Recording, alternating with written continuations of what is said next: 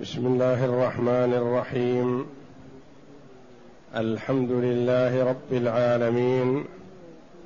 والصلاه والسلام على نبينا محمد وعلى اله وصحبه اجمعين وبعد اعوذ بالله من الشيطان الرجيم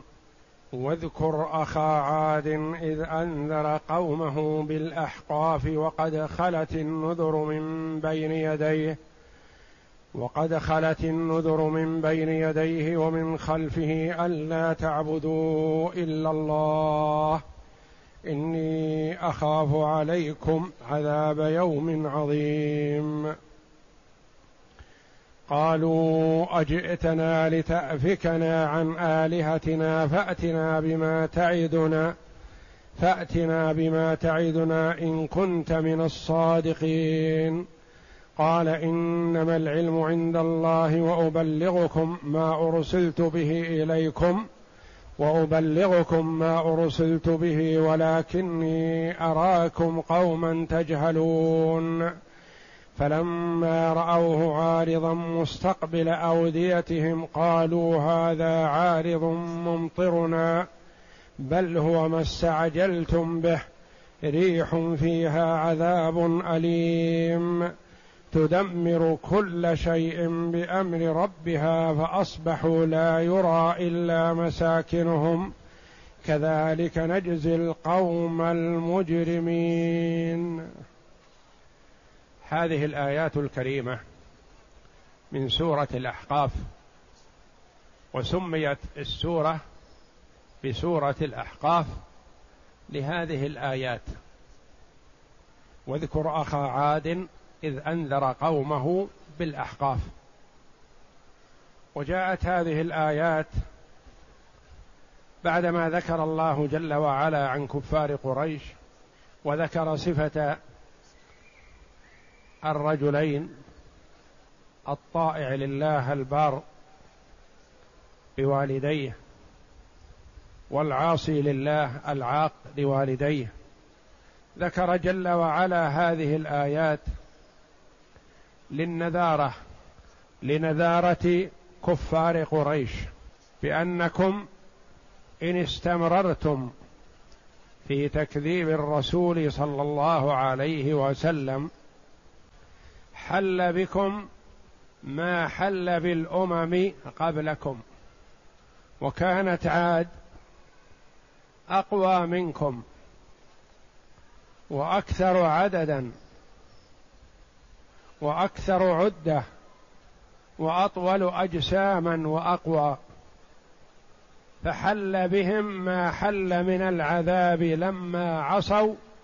رسول الله صلى الله عليه وسلم هود وفي هذه الايات تانيس لقلب محمد صلى الله عليه وسلم وتسليه له بانك لست اول مكذب بل قد كذبت الامم قبل قريش رسلهم فلا تياس ولا تضجر واصبر كما صبر اولو العزم من الرسل اصبر كما صبر الرسل ففيها نذاره للكفار وتسليه للنبي صلى الله عليه وسلم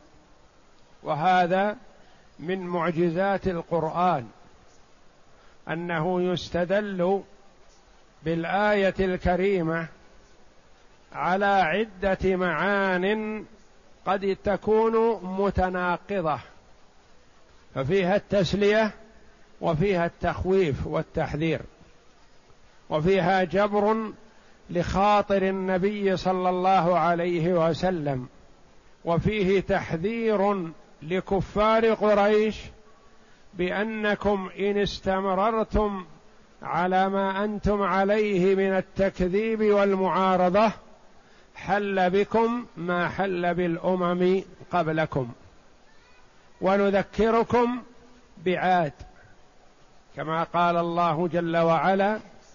الم تر كيف فعل ربك بعاد ارم ذات العماد التي لم يخلق مثلها في البلاد كان عندهم من القوه والعظمه والسيطره على اهل الارض ما ليس عند غيرهم وقال الله جل وعلا على لسان هود عليه السلام واذكروا اذ جعلكم خلفاء من بعد قوم نوح وزادكم في الخلق بسطه طوال عراض وهم قالوا من اشد منا قوه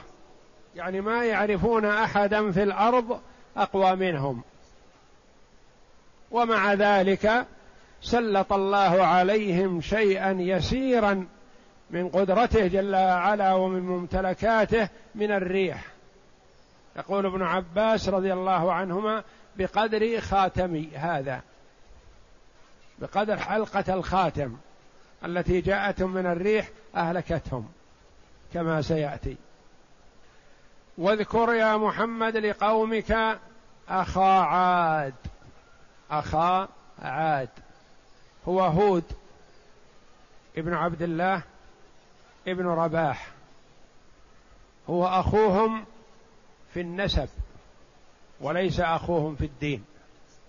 هو منهم ومن خيارهم وما بعث الله جل وعلا نبيا من الانبياء الا من خيار امته ليسمعوا له ويطيعوا ولتقوم عليهم الحجه اذ انذر قومه اي خوفهم انذرهم العذاب ان لم يؤمنوا اذ ظرف اي وقت انذاره اياهم أين بالأحقاف الأحقاف جمع ومفرده حقف والأحقاف قيل الكثبان العظيمة من الرمال المتعرجة والتي لم تصل إلى حد الجبال جبال رمال متراكمة ومتعرجة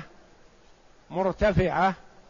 ولم تصل إلى حد أن تسمى جبل وأين هي أقوال للمفسرين أشهرها أنها باليمن بين عدن وحضرموت ولعله ما يسمى الآن بالربع الخالي لرماله رمال كثيرة ومتحركة وروي أنه الأحقاف جبل بالشام ومنازل عاد كانت باليمن وهم من العرب العاربة العرب البائدة التي بادت وانقرضت وعاد طائفتان عاد الأولى وعاد الثانية وكلهم من العرب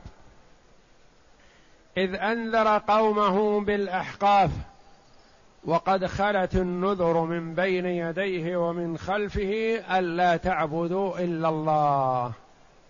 قال بعض المفسرين وقد خلت النذر من بين يديه ومن خلفه هذه جملة معترضة بين ذكر عاد وبين قوله ألا تعبدوا إلا الله واذكر أخا عاد إذ أنذر قومه بالأحقاف ألا تعبدوا إلا الله وقوله وقد خلت النذر من بين يديه ومن خلفه قالوا هذه جمله معترضه جاءت للنبي صلى الله عليه وسلم وحده يعني اخبار له بان دعوه هود لقومه ليس هو الوحيد بهذه الدعوه بل النذر قبله وبعده الى اليك كلهم هذه دعوتهم دعوتهم واحده فالنذر تتابعوا والرسول يسمى نذير لانه ينذر ويخوف بالعذاب وبشير لانه يبشر بالجنه من اطاع الله جل وعلا ورسول لانه مرسل من الله جل وعلا الى العباد وقد خلت بمعنى مضت النذر من بين يديه قبله قالوا الذين قبله اربعه ادم وشيث وادريس ونوح اربعه قبله وبعده كثير صالح قبل ابراهيم وابراهيم عليه الصلاه والسلام ومن جاء بعده من انبياء بني اسرائيل من ذريه ابراهيم على نبينا وعليه افضل الصلاه والسلام وقد خلت النذر من بين يديه ومن خلفه يعني مضت النذر الرسل قبل هود وبعده كلهم على هذا المنوال كل الرسل يدعون الى التوحيد ويخوفون عاقبه الشرك فدعوتهم واحده وان اختلفت شرائعهم مللهم كالصلاه والصيام والزكاه والحج والمحرمات تختلف لكن الاصل العقيده واحده افراد الله جل وعلا بالعباده وترك عباده ما سواه كل الرسل يدعون الى هذا ما جاء رسول ولا نبي يبيح الشرك بالله جل وعلا ألا تعبدوا إلا الله أي بأن قال لهم هود عليه السلام لا تعبدوا الا الله لا تعبدوا غير الله معه العباده لله وحده لا تعبدوا الا الله بمثابه لا اله الا الله نفي واثبات نفي العباده عما سوى الله واثبات العباده لله وحده اني اخاف عليكم بمثابة التعليل لما قبله كأن قائلا يقول لما لم تنهانا عن عبادة ما سوى الله وتأمرنا بعبادة الله وحده فيقول إني أخاف عليكم عذاب يوم عظيم أخاف عليكم العذاب إذا عبدتم غير الله جل وعلا ماذا أجاب القوم نبيهم صلى الله عليه وسلم قالوا اجئتنا لتافكنا عن الهتنا جئتنا يا هود لتصرفنا عن عباده الهتنا التي نعبد مع الله لان لهم الهه كثيره وقد سأل النبي صلى الله عليه وسلم أعرابيا قال من تعبد قال عشرة واحد في السماء وتسعة في الأرض قال من لرجائك وخوفك قال الذي في السماء فأمره النبي صلى الله عليه وسلم أن يفرد العبادة له وحده لا شريك له لأنه هو المتصرف وهو المنعم وهو القادر وهو المستحق للعبادة ويترك عبادة ما سوى الله قالوا أجئتنا لتأفكنا يعني لتصرفنا عن آلهتنا عن معبوداتنا التي نعبد من دون الله فأتنا بما تعدنا منتهى التكبر والغطرسة والتعاظم قالوا إن كان عندك عذاب فأتنا به من أشد منا قوة ما أحد يستطيع أن يعذبنا ولا أحد يستطيع أن يقدر علينا هذا ظنهم الخاطئ فأتنا بما تعدنا هم ما يريدون العذاب وإنما من باب التهكم من باب الاستبعاد استبعاد العذاب وأنه ليس هناك عذاب ولا أحد يستطيع أن يعذبنا فأتنا بما تعيدنا إن كنت من الصادقين إن كنت من الصادقين فأتنا بما تعيدنا ماذا أجاب به نوح هود عليه السلام قال إنما العلم عند الله العذاب ليس عندي وليس بأمري ولا بإرادتي ولا باستطاعتي وإنما العذاب ياتي من الله جل وعلا اذا شاءه سبحانه قال انما العلم عند الله وحده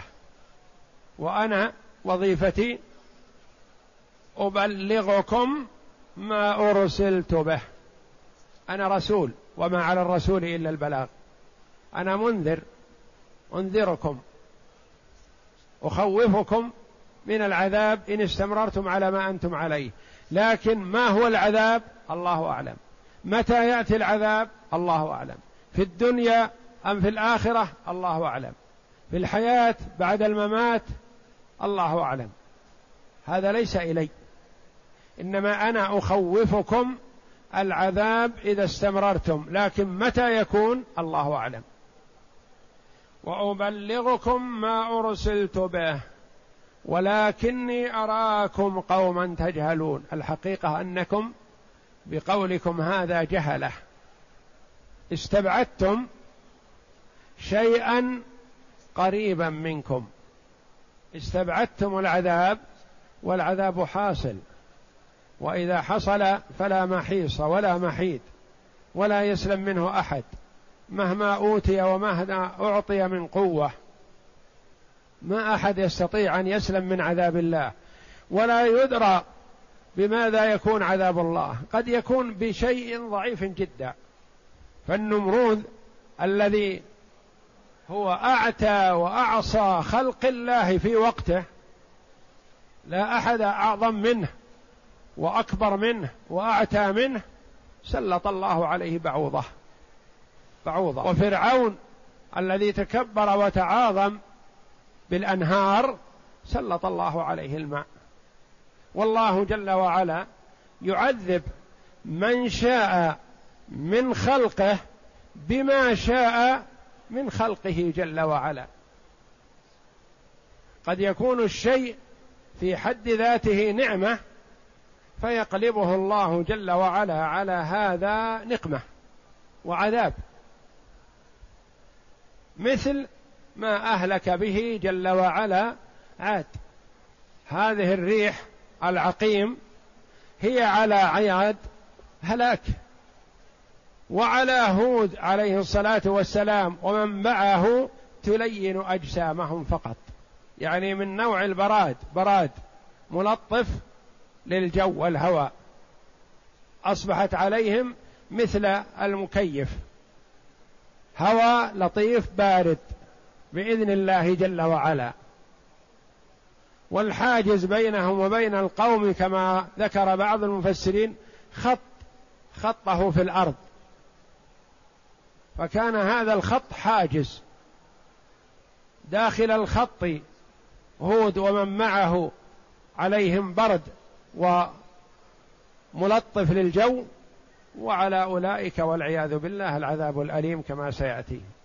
سخرها عليهم سبع ليال وثمانية أيام حسوما فترى القوم فيها صرعى كأنهم أعجاز نخل خاوية أعوذ بالله وهي ريح واحدة بإذنه تعالى ولكني أراكم قوما تجهلون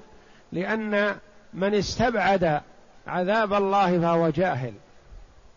وهذا كما تقدم لنا أمس من باب الامن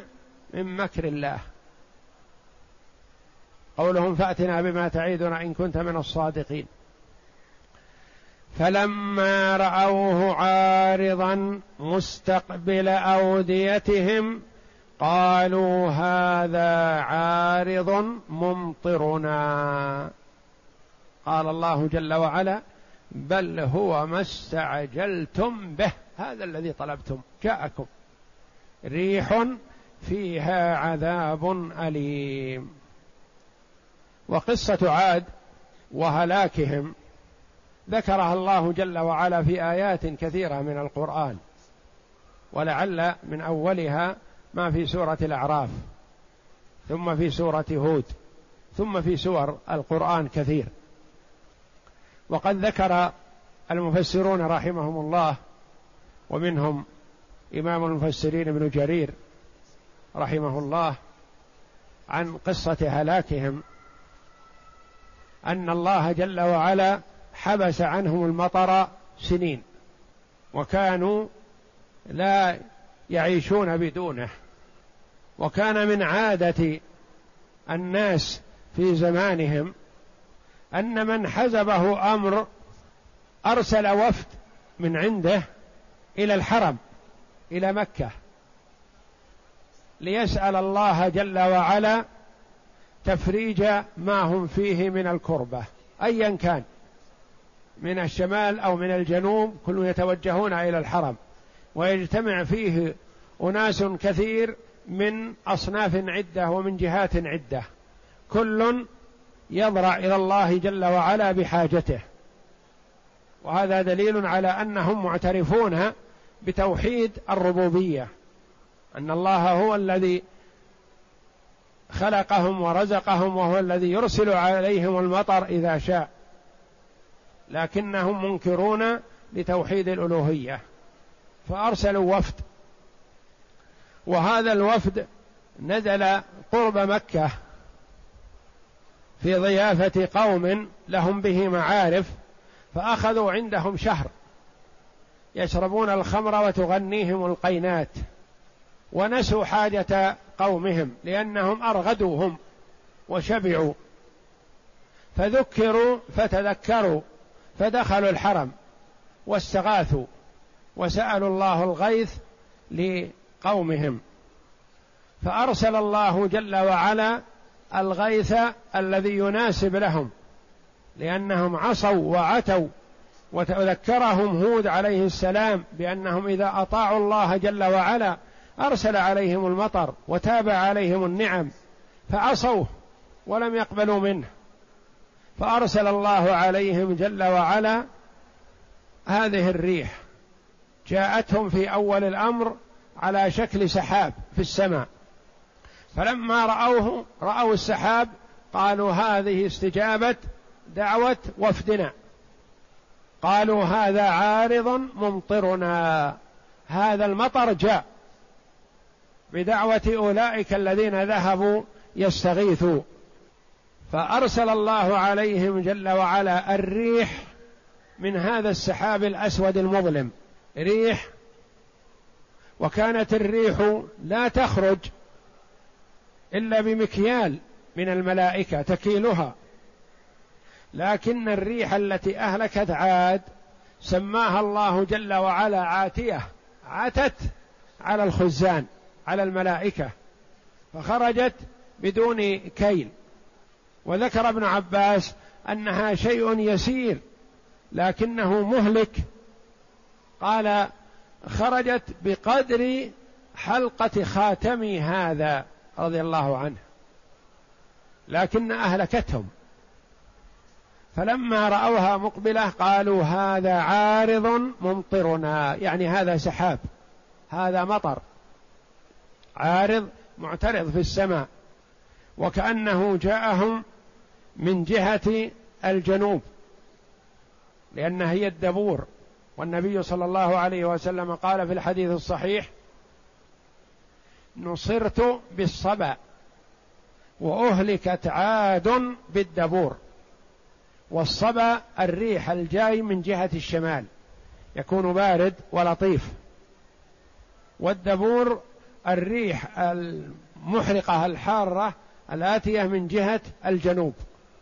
قالوا هذا عارض ممطرنا يعني هذا سحاب معترض في الأفق يمطر علينا فلما رأوه مستقبل أوديتهم رأوه متجه جهة الوادي لأنهم يستفيدون من المطر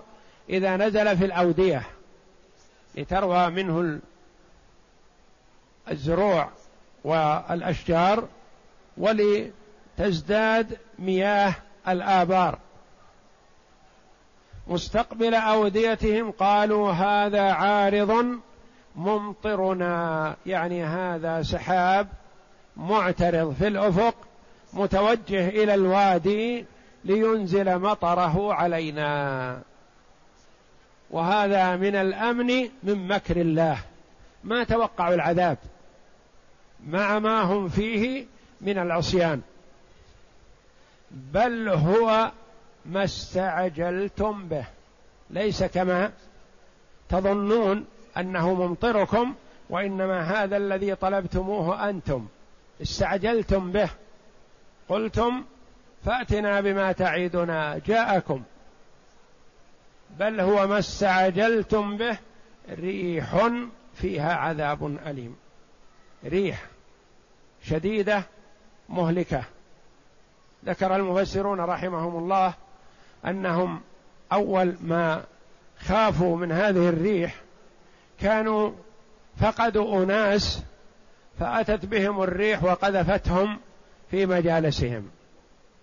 وكانوا يرون ما خرج من ديارهم قريبا منهم تقذفه الريح في الجو فيكون كالجراده فحينما راوا ذلك ايقنوا بان الريح اتيه اليهم فدخلوا بيوتهم واغلقوا عليهم ابوابهم فارسل الله جل وعلا عليهم الريح فقلعت الابواب ودخلت عليهم في حجرهم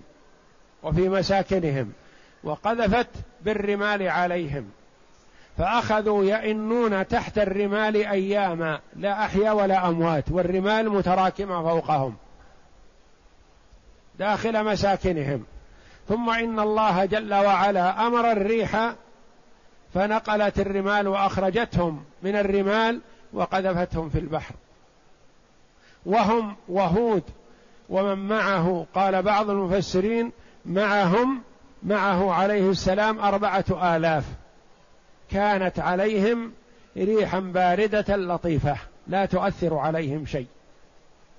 وهم وإياهم في مكان واحد إلا أن نوح هود عليه السلام خط خطا بينه وبينهم فكانت الريح داخل الخط هذه بردا وسلاما عليهم وهلاكا على الاخرين بل هو ما استعجلتم به ريح فيها عذاب اليم تدمر كل شيء بامر ربها تدمر كل شيء امرت بتدبيره امرت بتدميره بتدميره وهود عليه السلام ومن معه ما مستهم بسوء ويروى أن هود عليه السلام بقي مع من معه بعدما أهلك الأوائل بقي مئة وخمسون سنة بعد هلاك هؤلاء تدمر كل شيء أمرت بتدميره بأمر ربها بأمر الله جل وعلا لأنها تأتمر بأمر الله تدخل عليهم في الغرف وتدخل عليهم الرمال في الغرف ودفنتهم بالرمال وهم في الغرف ثم امر الله جل وعلا الريح فانبشتهم وانتشلتهم من داخل الرمال وقذفتهم في البحر فاصبحوا بعد هذا العذاب لا يرى الا مساكنهم اهلكت الرجال والنساء والاطفال والاموال والحيوانات بامر الله جل وعلا فاصبحوا لا يرى الا البيوت فقط لا يرى الا مساكنهم يقول الله جل وعلا كذلك اي هكذا نجزي القوم المجرمين من اجرم هذا جزاؤه وهذه عقوبته فالله جل وعلا يسلط على من عصاه ما شاء من خلقه وقد اهلك قوما